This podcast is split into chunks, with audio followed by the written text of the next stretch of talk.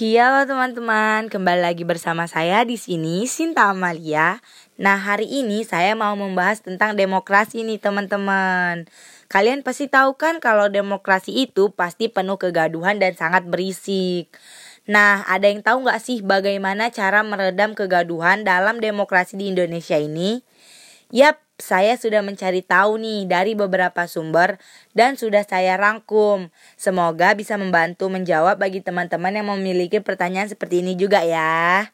Nah, langsung saja kita bahas cara meredam kegaduhan dalam demokrasi di Indonesia menurut Bapak Joko Widodo pada pernyataan beliau di tanggal 3 Oktober 2020 mengenai pandemi di Indonesia yang menjadi kegaduhan dan termasuk ke dalam salah satu contoh demokrasi.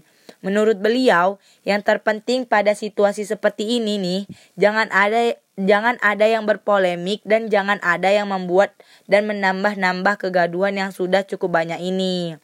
Selain karena demokrasi memfasilitasi silang pendapat, demokrasi juga menjamin kebebasan untuk berpendapat.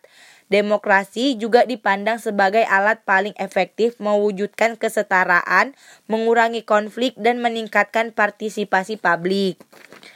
Dari ujung masa pemerintahan SBY sampai sekarang, nilai demokrasi di Indonesia mengalami penurunan yang cukup drastis nih teman-teman. Mengapa demokrasi dilanda krisis sih? Karena mulai dari rendahnya kepercayaan terhadap pemerintah dan politikus, penurunan jumlah keanggotaan partai politik, hingga regulasi pemerintah yang dianggap tidak transparan.